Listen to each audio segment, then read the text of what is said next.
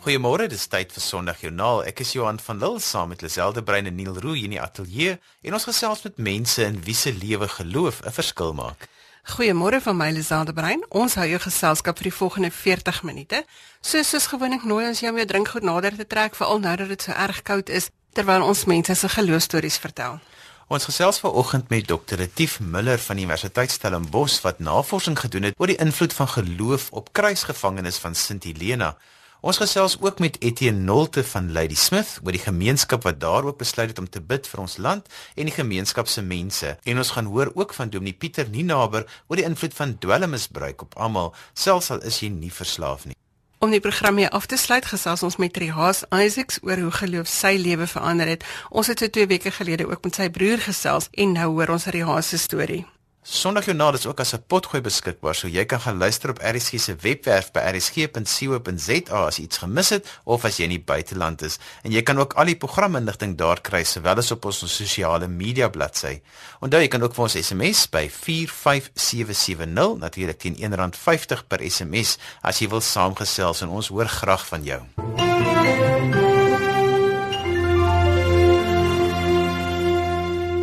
Lisel het 'n reeks onderhoude gedoen by die Kerkargief op Stellenbosch en vanoggend hoor ons van Dr. Retief Miller oor sy navorsing wat hy by die argief doen.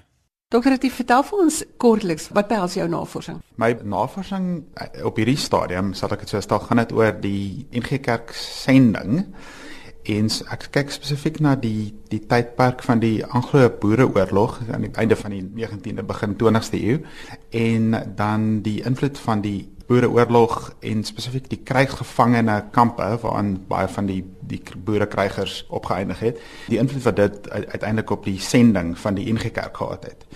So dis 'n vermenging van wat mense kan sê sending en kerkgeskiedenis. Vir my is die twee in 'n geval eh, deel van dieselfde uh, storie.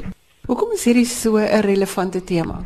Wel, e-, eerstens is dit vir my persoonlik 'n baie interessante tema eh, net omdat dit uh, hierdie geskiedenis van die kerk, maar ook van die samelewing en die die politieke stymelinge in ons land, uh, al, al die dinge word beter belig as mens op 'n manier na so 'n 'n oomblik in die geskiedenis kyk. So dis interessant in die sin, maar wat dit relevant maak is dat in ons eie tydperk waarin ons lewe vandag is die aspek van ballingskap of mense wat op 'n of ander manier ontwortel is, ehm um, hulle self in in situasies bevind wat wat ehm um, nie hulle hulle tuisland, hulle plek van heenkome is nie is is 'n alledaagse verskynsel wêreldwyd in Suid-Afrika ook. Ons het baie migrasie, mense van van elders in Afrika wat hulle self hier bevind. So die die hele ding van ontworteldheid is 'n belangrike tema in ons tyd en en so was dit natuurlik ook in hierdie tyd. So dit is binne die konteks van mense wat hulle self bevind in 'n um, in 'n situasie waar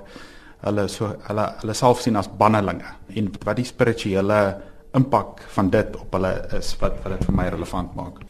Ek wil nou vir jou vra, wat is die impak van geloof dan nou in so 'n situasie waar mense in ballingskap is en en jy is reg sê jy dat ons nou vandag met hierdie situasie sit in Europa mm -hmm. en ons hoor al die goeters van waar geloof 'n verskil maak. Wat volgens jou navorsing is die invloed? Kyk, waarom skryf op op verskillende maniere beantwoord.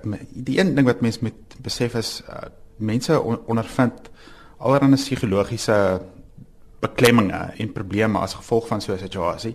Wanneer jy uit 'n konteks kom waar jy miskien nie 'n baie hoë opvoedingspyl het nie wat in die geval was in die vir baie van die boerekrygers maar jy het 'n het 'n baie sterk band aan jou godsdiens dan vervul godsdiens in hierdie sin ek dink nogal 'n belangrike psigologiese rol dit dit speel 'n rol om om mense te wortel in iets so hulle is nou uh, ontwortel uit hulle fisiese omstandighede weg van hulle van hulle mense. Hulle hoor hierdie stories van hulle vroue en kinders wat in kampe is en deur allerlei moeilikhede gaan baie gaan dood. Hulle kry briewe wat dit ook bevestig. So godsdienst speel uh, in so 'n kan in so 'n situasie 'n baie uh, jy weet herwortelende rol uh, op mense uh, se lewens. En so het dit dan ook gebeur in die tyd van die krygsgevangene kampe dat dat daar geweldige herlewing was in in terme van die Christelike godsdiens op die eilande. Jy weet Sint Helena en, en Salon en die plekke, die die, die Christelike strewers vereniging het 'n belangrike rol gespeel. en van die predikante het het, het groot byeenkomste gereël en mense het tot bekering gekom. Daar's allerlei stories hiervan. En en ek dink dit moet maar gesien word of gelees word binne die konteks van 'n uh, uh, ontworteling en dan 'n herworteling in geloofsgemeenskap wat jy eintlik beleef. Waar kom jou persoonlike belangstelling in die geskiedenis en dan nou in hierdie geval die kerkgeskiedenis vandaan? Wel, laat ek maar eerlik wees, dit dit gaan oor my familiegeskiedenis en van my eie voorouers was inderdaad ook krygsgevangenes gewees. Drie van hulle, sover ek weet, was op Sint Helena. En een van hierdie mense was dan ook uh, een van die wat uiteindelik in die sendingveld betree het na afloop van die oorlog. So dit is dis 'n baie direkte belangstelling wat ek nog altyd gehad het maar eh, in die algemeen breedweg, jy weet, my belangstelling in die kerkgeskiedenis as ons nou meer weier kan vat, um, kom eintlik maar oor uit my belangstelling in in die eh, die rol wat wat teologie en die protestantse godsdiens in die politieke eh, konteks van Suid-Afrika gespeel het oor die laaste paar eeue. En en dit is 'n baie belangrike relevante rol soos ons weet wat nog steeds nie heeltemal uitgepleis is nie. Maar um, maar dit is maar jy weet hierdie wisselwerking tussen teologie en politiek eh, wat dan ook oorlog uh, in sommige gevalle behels is is my belangstelling dit was maar nog altyd so. Dink jy dit is vandag nog steeds belangrik dat godsdiens teologie geloof nog steeds 'n rol speel in in die politiek? Wel ek, dink dit dit is um, iets wat mense amper as 'n gegewe moet aanvaar. Ek, ek wil nie sê dat dit reg is dat dit so moet wees nie. Ek dink daar's baie vrae wat daaroor gevra moet word in watter mate godsdiens 'n rol moet speel binne die politiek. Ek dink ek dink mense kan verskillende antwoorde op dit gee.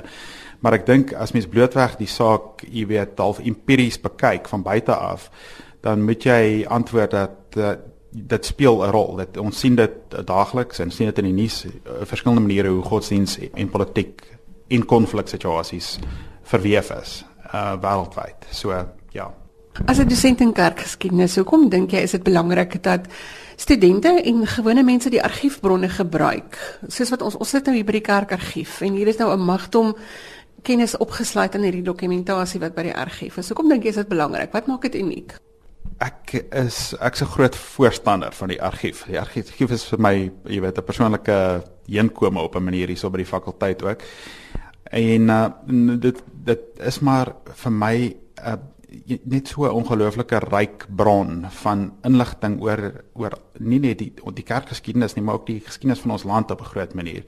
Uh, ons moet onthou dat die NG Kerk se geskiedenis baie nou verweef is ook met die ehm um, met die ontstaan van die kolonie hier in die Kaap um, en die van die vroeë tydperk af al uh, was kerk en staat baie nou verweef en met ander woorde baie van die dokumentasie wat jy hier kry verwys ook na hierdie vroeë geskiedenis van ons land soos wat ons dit vandag ken ook. So ek ek dink in, in vele maniere is dit net jy weet uh, uh, dit is soos 'n skatkis van dokumente van bronne en en baie van dit is nog nie werklik baie goed ontgin deur navorsers nie.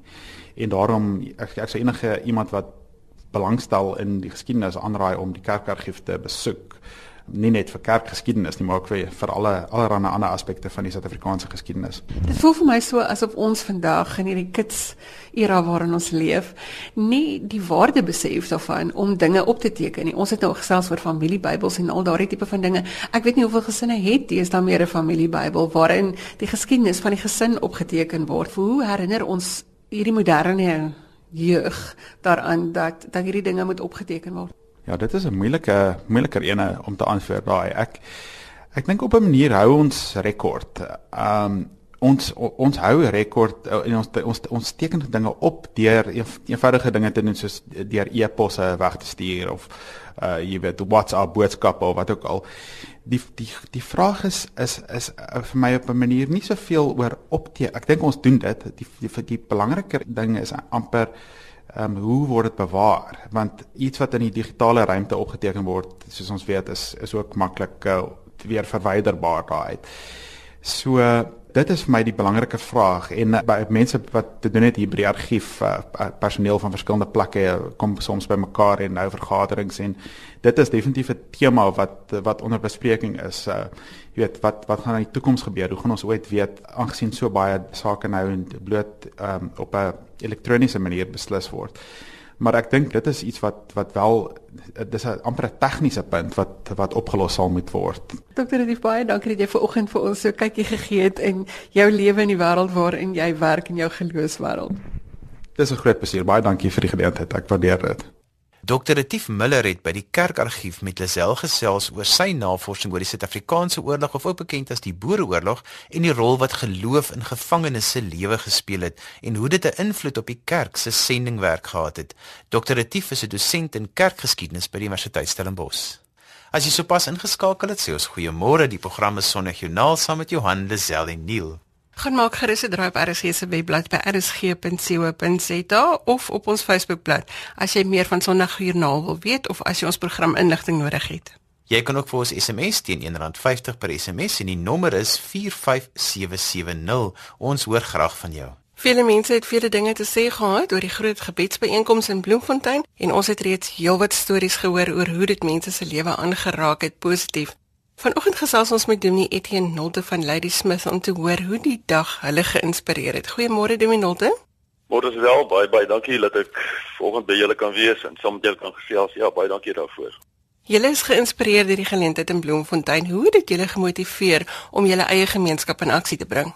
Lisel, dit was vir ons van die begin af was dit nie 'n kwessie van ons wil 'n uh, event gaan bywoon nie. Miskien kan ek oor myself sê dat ek ek was nog nooit alhoewel ek Angus ek respekteer hom en ek ek het werklik die resultaat gesien van mense wat jy weet 'n mans wat terugkom van sy byeenkomste af en wat die Here regtig aangeraak het, maar vir myself, jy weet, het ek nie ooit gegaan nie, maar met hierdie gebedsgeleentheid was dit net asof dinge net gebeur het. Ons het 'n selgroep van so 16 tot 20 mense en ons het een hand daaroor gepraat by die selgroep, maar daar was nooit 'n besluit geneem nie. Dit was net asof die Here vir ons net gesê het hulle gaan en toe ons weer kyk was 'n bus gereël gewees en ehm um, die die die kostes was betaal gewees en volgende wat ons weet is ons is op pad Bloemfontein toe na die gebedsbijeenkomste. So vir ons was dit baie duidelik nie 'n event wat ons gaan bywoon het nie. Vir ons was dit werklik iets wat ons van die begin af geweet het, maar eers hier gaan daar 'n voortsetting wees.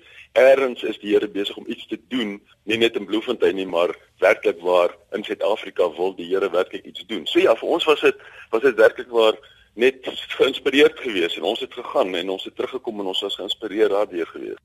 So dit het nie eintlik gegaan oor die persoon nie, maar dit het meer gegaan oor julle samesyn as gelowiges om hierdie ding by te woon en toe strek dit verder want toe in Lady Smith het julle julle eie soortgelyke gebedsaksie gehad. Ek glo die Here gebruik mense en ons respekteer dit. Jy weet dat die Here werklik mense gebruik en jy's jy's 100% reg. Jy weet vir vir ons het dit nie werklik gegaan oor die oor die persoon nie. Ehm um, dit het werklik gegaan oor iets wat God besig is om ons in ons land te doen en wat vir ons interessant was en ek dink dit is al genoem is dat direk na die byeenkoms, jy weet, en direk na hierdie hierdie gebed wat deur 'n miljoen mense opgegaan het, het dinge so in ons land drasties 'n ander wending ingeneem. Ons ons het hou van van opstande wat gekom het en al hierdie tipe van goeters wat ons so duidelik gewys het maar wat die Here is besig om te werk, jy weet, en en die vyand is besig om te reageer op dit wat die Here besig is om te doen in elk van die saak. Jy weet ek sê altyd vir mense, ek onthou ons is koninkryksmense. Dit wil sê daar's twee koninkryke, daar's die koninkryk van lig, daar's die koninkryk van duisternis en dat die aard van die saak is die koninkryk van lig besig is, dan gaan die koninkryk van duisternis ook ook besig raak. So ja, so ons het teruggekom en wat vir my wonderlik was, ek wil dit vir jou sê Lisel, hierdie is nie kerkding nie. Ons is nie 'n spul uh, 'n versekerde denominasie gewees wat nou gekom het en besluit het om hierdie ding te doen. Hierdie was ehm um, die selfgroep wat ek het is 'n selfgroep met verskillende ehm um, mense in. So ons val nie ook hier onder een kerk denominasie nie. En toe ons terugkom was dit 'n kwessie van ons het 'n byeenkoms gehou en die Here het spesifiek op een man se hart, ehm um, Wim Kruinog, op sy hart gelê om 'n byeenkoms te hou nadat ons teruggekom het. En toe hy met hierdie idee kom het ons toe 'n byeenkoms gehou van al die mense in Ladysmith wat ons van geweet het wat toe nou in Bloemfontein was.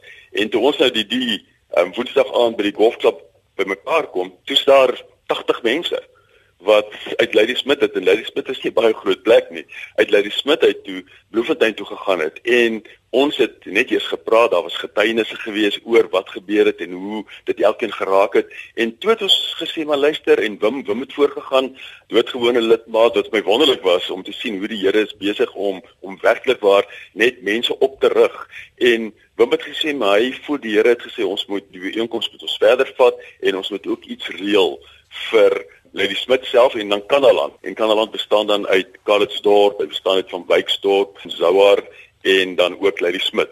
En ons het toe daai aand besluit maar ons ons gaan 'n byeenkoms hou vir die hele Kanaland dan en ons gaan dit so groot as moontlik maak sodat almal um, betrokke kan raak en ons gaan ook dan die hele gemeenskap betrek. So, alhoewel ons 'n uh, klein selgroepie was het ons gesê nee, ons ons gaan die logistiek en al hierdie goedes gaan ons nie alleen doen nie.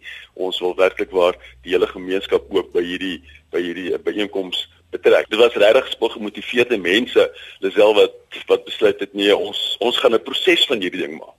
So beplan julle om dit 'n volhoubare ding te maak. Die event is 'n ding, ons weet mos nou dis 'n groot ding wat gebeur, maar vir ons as as koninkryksmense moet so 'n event moet verder strek. Dit dit moet dit moet ander vure aansteek, dit moet mense beïnvloed, dit moet mense motiveer, weet om om verder te kan gaan en dis presies wat ons gesê het wat ons gaan doen. Ons gaan verder gaan ehm um, nie net in terme van gebed nie. Natuurlik ehm um, gebed moet altyd 'n volhoubare ding wees. Ons weet dit en vir onsself was is dit baie belangrik om om te bid en is is baie wonderlik. Ek kan 'n bietjie net bietjie uitbrei. In Lady Smith is daar verskeie gebedsgroepe wat al die hele ruk aan die gang is. So dis nie asof dit 'n nuwe ding vir Lady Smith was nie. Ek dink wat gebeur het is dat dat mense net werklik meer gemotiveerd was om te besef, maar luister, ons moenie ophou bid nie. Ons ons moet werklik aanhou bid. So ja, vir ons is dit is dit nie 'n event nie. Vir ons is dit werklik 'n proses, maar eintlik maar dit 'n voortsetting van iets wat al reeds aan die gang was. Ja, so baie seker Lisel is dit vir ons nie 'n event nie. Dit is werklik 'n voortgaande proses waar ons meer en meer mense wil betrokke kry. Dit gaan oor 'n gemeenskap Die Here het ons hier in Kanaland gesit en ek dink sommer so terloops kan dink ek ek moet sommer 'n uitdaging rig aan al die ander munisipaliteite, kleiner dorpies en vir hulle ook sê maar begin ook daarmee. Begin ons moet net elkeen doen wat die Here op ons harte lê en ek, ek sien hier by ons in Kanaland is die Here besig om 'n spul mense op te rig, verskeie mense. En ons is besig om te netwerk, ons vat hande saam en ons is besig om 'n proses te dryf van die koninkryk van God wat wat in mense se lewens werk en wat in die gemeenskap werk. Is dit julle ervaring dat dit die gemeenskap versterk op 'n manier? Verseker. Jo, weet jy, ek sou bly jy vra die vraag, want in ons gemeenskap ag en ek wil dit nou nie sê tot nadeel van ons munisipaliteit nie, maar ons was een van die swak munisipaliteite wat oudits gedryf het en ehm um, en weet jy, ons kom agter hoe daar 'n totale verandering in ons hele gemeenskap se houding is. Weet jy, 2 dae voor die 10de Junie toe ons die die event gehou het, om dit sommer so in Engels te sê, was hier verskriklike storms mos in die Kaap gewees. En dit was vir ons wonderlik om te sien hoe met hierdie storms, ek meen dakke was afgewaai um, en bome het omgewaai en daar was regtig baie groot skade gewees. Dit was koud geweest en hoe die gemeenskap net saam gestaan het. Weet julle dat ons het na die tyd vir die munisipaliteit het ons spesifiek spesiaal gesê dankie. Ons ons kon so sien hoe mense gemotiveer was, hoe hulle dwars vir die nag gewerk het. En ons glo hierdie is alles deel van 'n proses wat besig is om plaas te vind en wat as gevolg van die feit dat mense met mekaar kontak maak. Dis nie net 'n 'n groepie wat hier besig om te bid nie. Nee, hulle is besig om kontak te maak. Hulle is besig om saam met die munisipaliteit, saam met die koöperatiewe wêreld, saam met die politici, is daar werklik besig om 'n verandering in ons gemeenskap plaas te vind en vir ons is dit is dit fantasties. So ja, ek ek wil jou vraag regtig positief antwoord en vir jou sê dit motiveer mense, Christene wat nie eens van mekaar geweet het nie, begin nou met mekaar praat. So nee, dit is 'n sekere motivering vir die gemeenskap. Ek en ons is nou heeltemal uit ons tyd uit, maar ek wil gou vir jou vra net in kort die laaste vraag. Wat is julle verwagting in terme van die langtermyn implikasies en nou die uitkomste van die dag wat julle gehad het? Wel ja, weet jy, die uitkomste daarvan is eintlik iets wat al reeds begin het in die sin van ons het al begin met en dit gaan oor gemeenskap. Dis om myself nou in die rede kan val. Dit gaan werklik oor gemeenskap. Dit gaan oor koninkryk en omdat hierdie hierdie hele event nie deur 'n kerk gereël was nie het ons soveel mense gehad wat net deel geword het daarvan en hierdie ding is op die grond gesit met met die gemeenskap. So wat besig is om te gebeur is dat ons het byvoorbeeld nou ehm um, al in in Zouar. Zouar is 'n uh, um, is 'n sendingstasie wat so 20 km van ons af is, maar dit is deel van Lady Smith. Het ons begin met 'n met 'n gemeenskapsforum wat 'n geïntegreerde sakeplan vir die hele Zouar het om mense se lewens te verbeter, om mense te bemagtig. Ons is besig om program op die been te bring om mense basiese vaardighede te leer. Daar's 'n baie sterk moontlikheid wat gebeur is dat ons 'n uh, sentrum vir fetale alkoholsindroom kinders gaan vestig met remedierende onderwys met opleiding.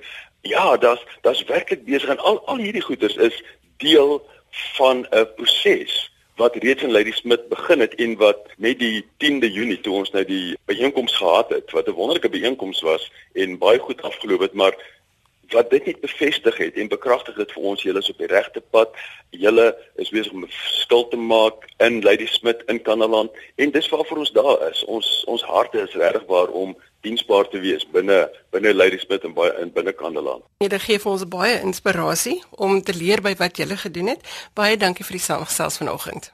Dis wel baie baie dankie man. Ons waardeer dit baie. 'n Lekker dag verder. Die stem daarvan Etienne Nolte van Lady Smith. Verlede week was die fokus op dwelmmisbruik en ons sit ons gesprek met Dominee Pieter Ninaber voort oor die gevolge van dwelmmisbruik. Nie net op die persoon wat dit gebruik nie, maar ook die mense rondom hulle. Ons is aan die einde van die dwelm fokusweek en ons het verlede week gesels oor wat verslawing is en vanoggend gaan die pastorale terapeut van Ramot Dominee Pieter Ninaber saam met ons stil staan by wat dit beteken om verslaaf te wees. Baie van ons ken mense wat aan 'n of ander vorm van misbruik verslaaf is en dit het 'n bepaalde invloed op ons almal se lewe. Goeiemôre Dominee Ninaber. Goeiemôre Lisel. Jy is heeltemal reg as jy sê uh, verslawing affekteer nie net die alleen die persoon wat daarin ly nie.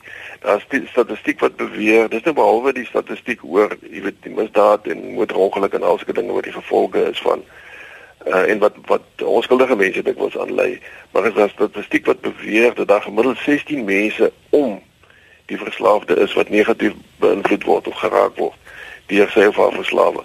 Dis nou die gesin, die wye familiekring, naby vriende as ook by die werkplek.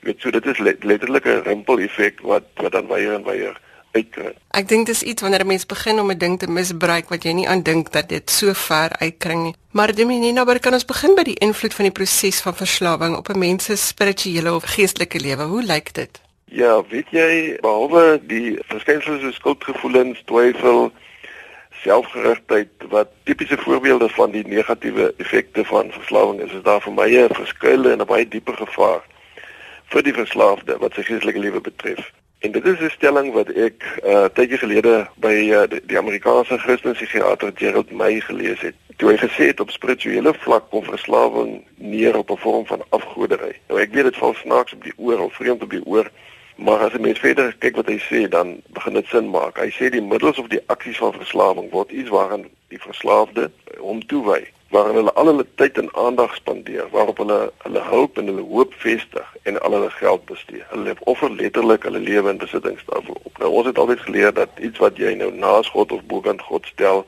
uh, belangriker as hy word uh, word eintlik 'n afgod vir jou. Jy weet dit is bevestig al die pasiënte wat sonder dat ek dit vir hulle genoem het, uh, het hulle uitgeset alkohol het my meester geword. Dis waarvoor ek alles sou opoffer of uh, iemand anders wat gesê het dwelm het vir my soos 'n god geword.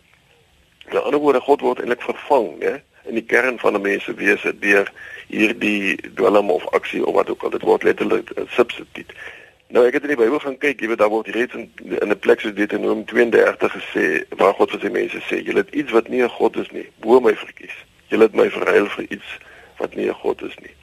Nou dit beteken letterlik, jy weet dat die sentrum van die van die persoon se geestelike lewe van sy spiritualiteit word oorgeneem deur iets anders, deur 'n ander mag wat invloed het oor hierdie persoon se se lewe en wat sy denke en emosies en dit alles beïnvloed.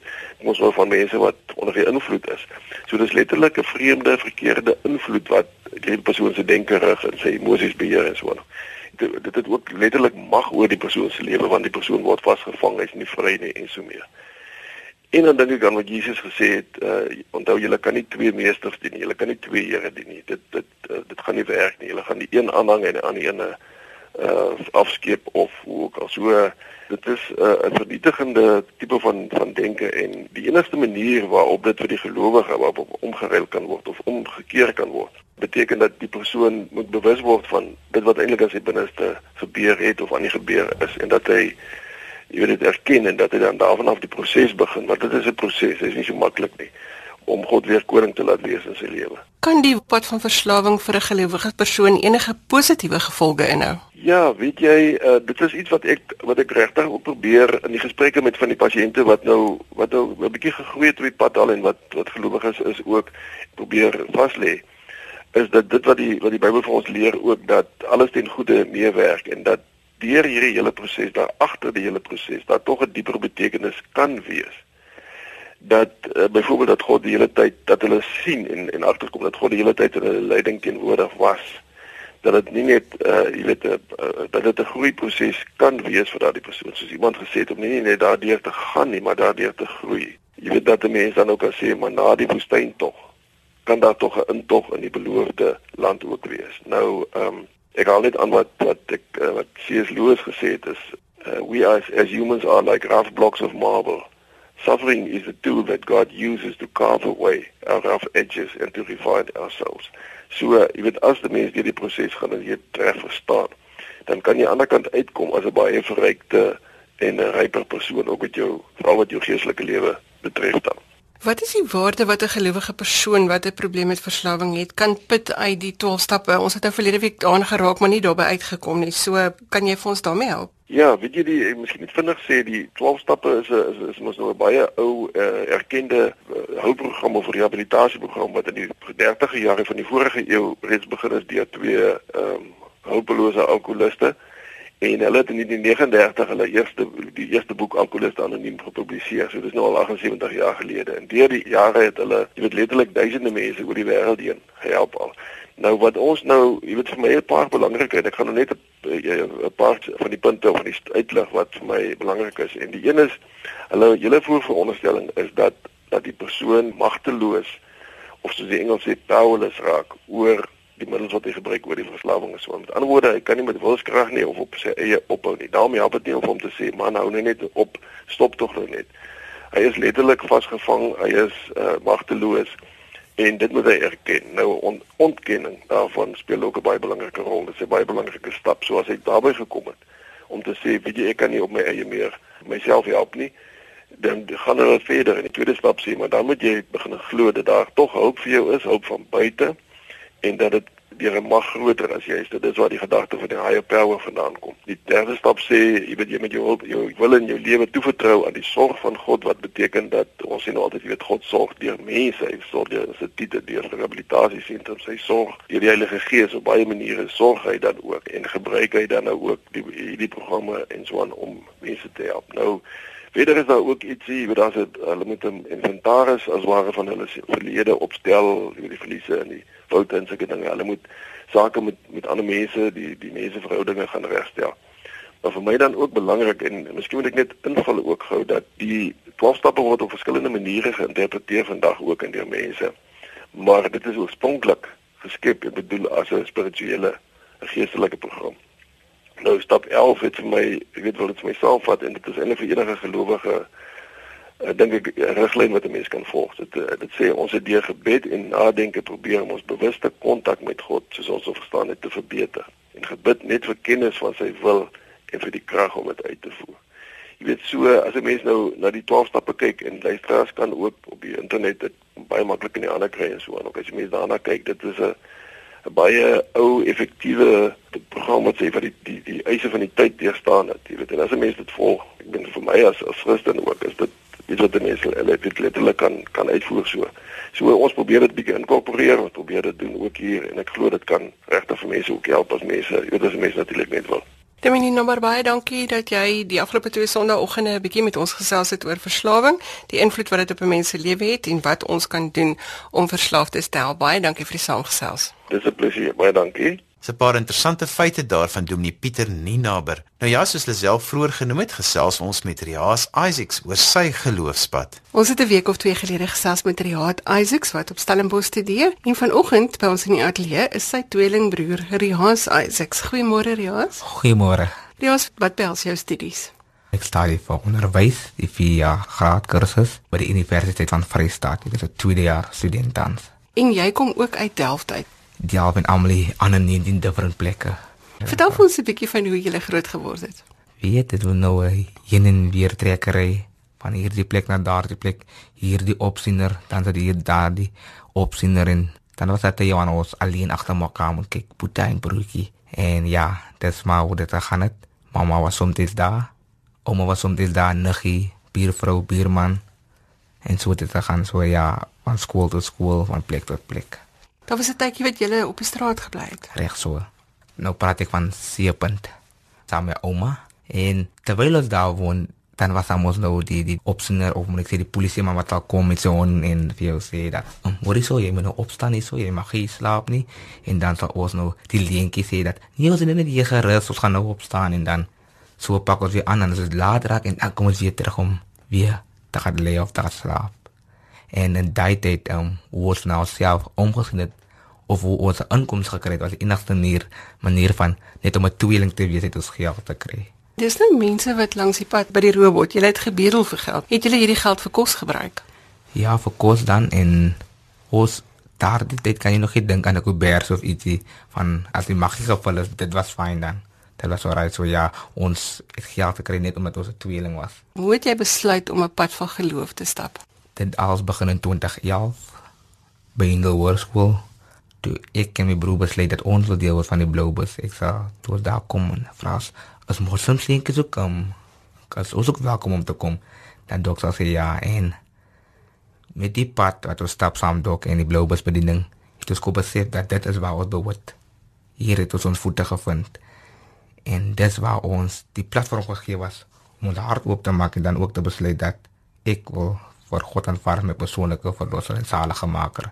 So ja, Rihat het vertel julle het nie eintlik as jong kinders deel gewees van die moslim geloof nie, maar jy is in 'n moslim familie gebore. Ons, ons is gebore moslim, maar ons is ouma se kinders, so my ouma se Christelike vrou. So ons was sonnaskool toe gestie, ons was gevertel van die Bybel. So ja, dit was ja. Hoe het jou lewe verander? Julle het toe nou op skool deel geword van 'n groep mense wat in julle belê het, wat julle lewe al verander het. Hoe het dit jou lewe verander? Dit is nou heeltemal verander. As ek terugdink aan die graad 8 seentjie of einde graad 7 seentjie, nou as ek nou terugkyk, ek is nou 2 jaar student, dat soveel verander. Ek is nou sterker as ooit. Ek is ek die hoop is binne my. Daar is nou mense wat my sê nee, ek kan dit doen nie. En um ek nou daar, ek is nou op daardie stadium waar ek wel weet dat alles is moontlik. Met God aan jou kant, as alles moontlik. So ja, die hoop is binne my, die vertroue is binne my en ek kan osself lede van die gemeenskap nou self bemagtig. Wil ook sê dat jy kan. Jy kan. Want jy is 'n goeie voorbeeld. Hulle sien dit in jou. Vertel ons van jou studies. Tweede eerste jaar was goed. Ehm um, 600 skense gekry in my eerste jaar en die aanpassing was maar moeilik soos altyd en ek het dit oorleef. En tweede jaar, eerste semester, soveel is nou verby, ek is in die Kaap en dit goed te gaan hier en daar vasgehak, wat ek dink jy nou en dan moet jy my keer net hy vashak, wie weer wakker te skrik. En kom, um, moet nie slap lê nie, skrik wakker en trek jy sokkies op en ja. Maar jy sat by die Vrystaat Universiteit. Die Vrystaat van Vrystaat, ja. Vertel ons hoe is dit anders van jou lewe in die Kaap? Dit is nou vir jou 'n heel different lig wat jy in asem en eerste ding as jy op wat ek nou weer ondervind is ek skrik wakker sonder my boetie by my kant. So dis 'n heel hele aanpassing tot nou toe. Ek sê nou vir altyd nou so koud was in die Vrystaat. Um ek sou gewoon so ek broer om my hals in 'n bietjie daar lê. Maar nou ek lê ek sal hier in die bed, kom sy daar. So dit ja, eerstens dit is maar moeilik om sonder die boetie te wees, maar die vriende is maar altyd daar. Jy nou vriende van Noord-Kaap, van die Noordwes, van die Oos-Kaap vriende nie net wat gewoond is wat ek gewoond as is so ek word blootgestel aan dinge wat verskillend is van myne en mense wat verskillend groot geword het as my. So ja dis ook 'n waar ek my insig vanaand kry en ook leer hoe anders lewe. Dink jy dat doen dinge anders in die Vrystaat op 'n manier ja. Om hier te begin sal ek altyd begin met die spraak. Dis heel verskillend as ons en so hulle gebruik woorde wat jy wat jy nie van hoor in die Kaap nie. So dit was 'n aanpassing ja ek het ek, ek, ek en nou as ek nou van die Vrystaat uit kom Kaap toe dan sê hulle sê wat praat jy ja jy praat so Vrystaat en hier so net jy moet tot tomate hulle sê altyd ja daar's wel verskille ja Ja, ons vertel ons wat 'n verskil het geloof in jou lewe gemaak. Terwyl jy met vakansie is, dan werk jy ook met die mense in jou gemeenskap. Mm -hmm. So jy ploeg 'n bietjie terug van waar jy vandaan kom. Maar wat 'n verskil het geloof in jou lewe gemaak? As ek 'n groot woord mag gebruik, dan sê ek altyd hoop. Dis nou iets wat ek nie in my lewe gehad het nie. Wie het hom um, rigtingloos? Jy weet nie wat jy sien in die lewe nie, jy weet niks. Is net jy gaan skool toe, maar wil jy skool toe, dus jy gaan skool toe. Of jy ouma wil skool toe, jy gaan skool toe en dit gedoen omdat jy gesê wat jy moet gaan. Daar was jy. Het jy nog daai daai hoop en en 'n doel in lewe gehad om iets te bekom? So nou, dat sou ek het die hoop in my. Ek ek ek, ek kan iets word en ek is besig om dit te word wat ek wil word in die lewe. En deur terug te ploeg in die gemeenskap wat ek nou tans besig is om te doen by my ou hoërskool en dan ook een van die primêre skole deur terug te ploeg in die diagemeenskap was maar nog altyd een van my doele om eendag te doen en ek is nou tans besig om dit te doen bestee my tyd aan om te praat, net met te praat soms met die graad graad 4, 7 en 6 en wil 'n bietjie te wat help van. Kyk, ek kom kan van Delf. Ek kan van Blikkiesdorp. Kyk waar ek en julle kan ook doen. Ek was ook aan so julle gewees. Nou in dan stout. Ek het jy soetjie gewees. Julle ken aan my, my onderwysers ken ook my. So ja, die woord wat aan my toegegee was en dan wat die geloof in my kom verseker het. Gee ek nou aan die jong spanne, aan die spanne wat dink hulle is nou opgegee en daar niks hoop nie. Ek gee dit nou terug aan hulle en hulle sê ek is 'n lewendige testimonie daarvan dat jy kan. Jy kan as jy wil. Dink jy hulle luister makliker na jou wat self daar groot geword het en wat self uit daai omstandighede uitkom as wat hulle sal luister na iemand anders wat waarskynlik net inkom vir die dag en so 'n bietjie met hulle kom gesels. Ja, ja, weet dis nou 'n groot um, kwessie vir al ons gemeenskappe. Ons baie kere wil ons vertel word van die persoon van die persoon ken ons omstandighede nie. Maar ek dink as daardie man wat besef het wat laat ons net luister en daai sê wat ek en my broer gedoen het. Laat ons net daarom luister kyk. Ek gaan luister net. En daai is waar alles begin het. En ja, dit dit, dit is so easy dat as ek van die gemeenskap nou praat dan luister hulle. Reus baie dankie dat jy jou hart en jou omstandighede en jou lewe met ons gedeel het en dat jy ons kom inspireer dat daar hoop is en dat ons kan vashou in die geloof. Dit is 'n groot plesier. En so gesels Riaas Isaacs 'n inspirerende storie van hoe geloof 'n verskil kan maak in jou lewe, maar nie net dit nie, dit gaan ook oor die verskil wat jy in iemand anders se lewe kan bring as jy tyd afstaan om hulle omstandighede te verander. Ons is aan die einde van vanoggend se kuier. Ek groet tot later vandag wanneer ek weer agter die mikrofoon inskuif vir ons in die onderwys. Net hierna Jermaine Hansen met die Bybelstorie en dan volg die 8 uur nuus. Vir my Johan van Lille tot later vandag. Totsiens. Jy kan vir my e-pos met kommentaar of as jy 'n geloostorie met ons wil deel, my e-posadres is lazel@wwmedia.co.za of jy kan ook vir ons 'n boodskap stuur deur die webwerf en dit is by rsg.co.za. Ek herhaal net gou weer die e-posadres, dis lazel l i z e l l e by wwmedia.co.za. Tot volgende week groet ek namens produksieregisseur Neil Roo. Maak 'n verskil in iemand se lewe, reik uit en maak iemand se dag makliker. Totsiens.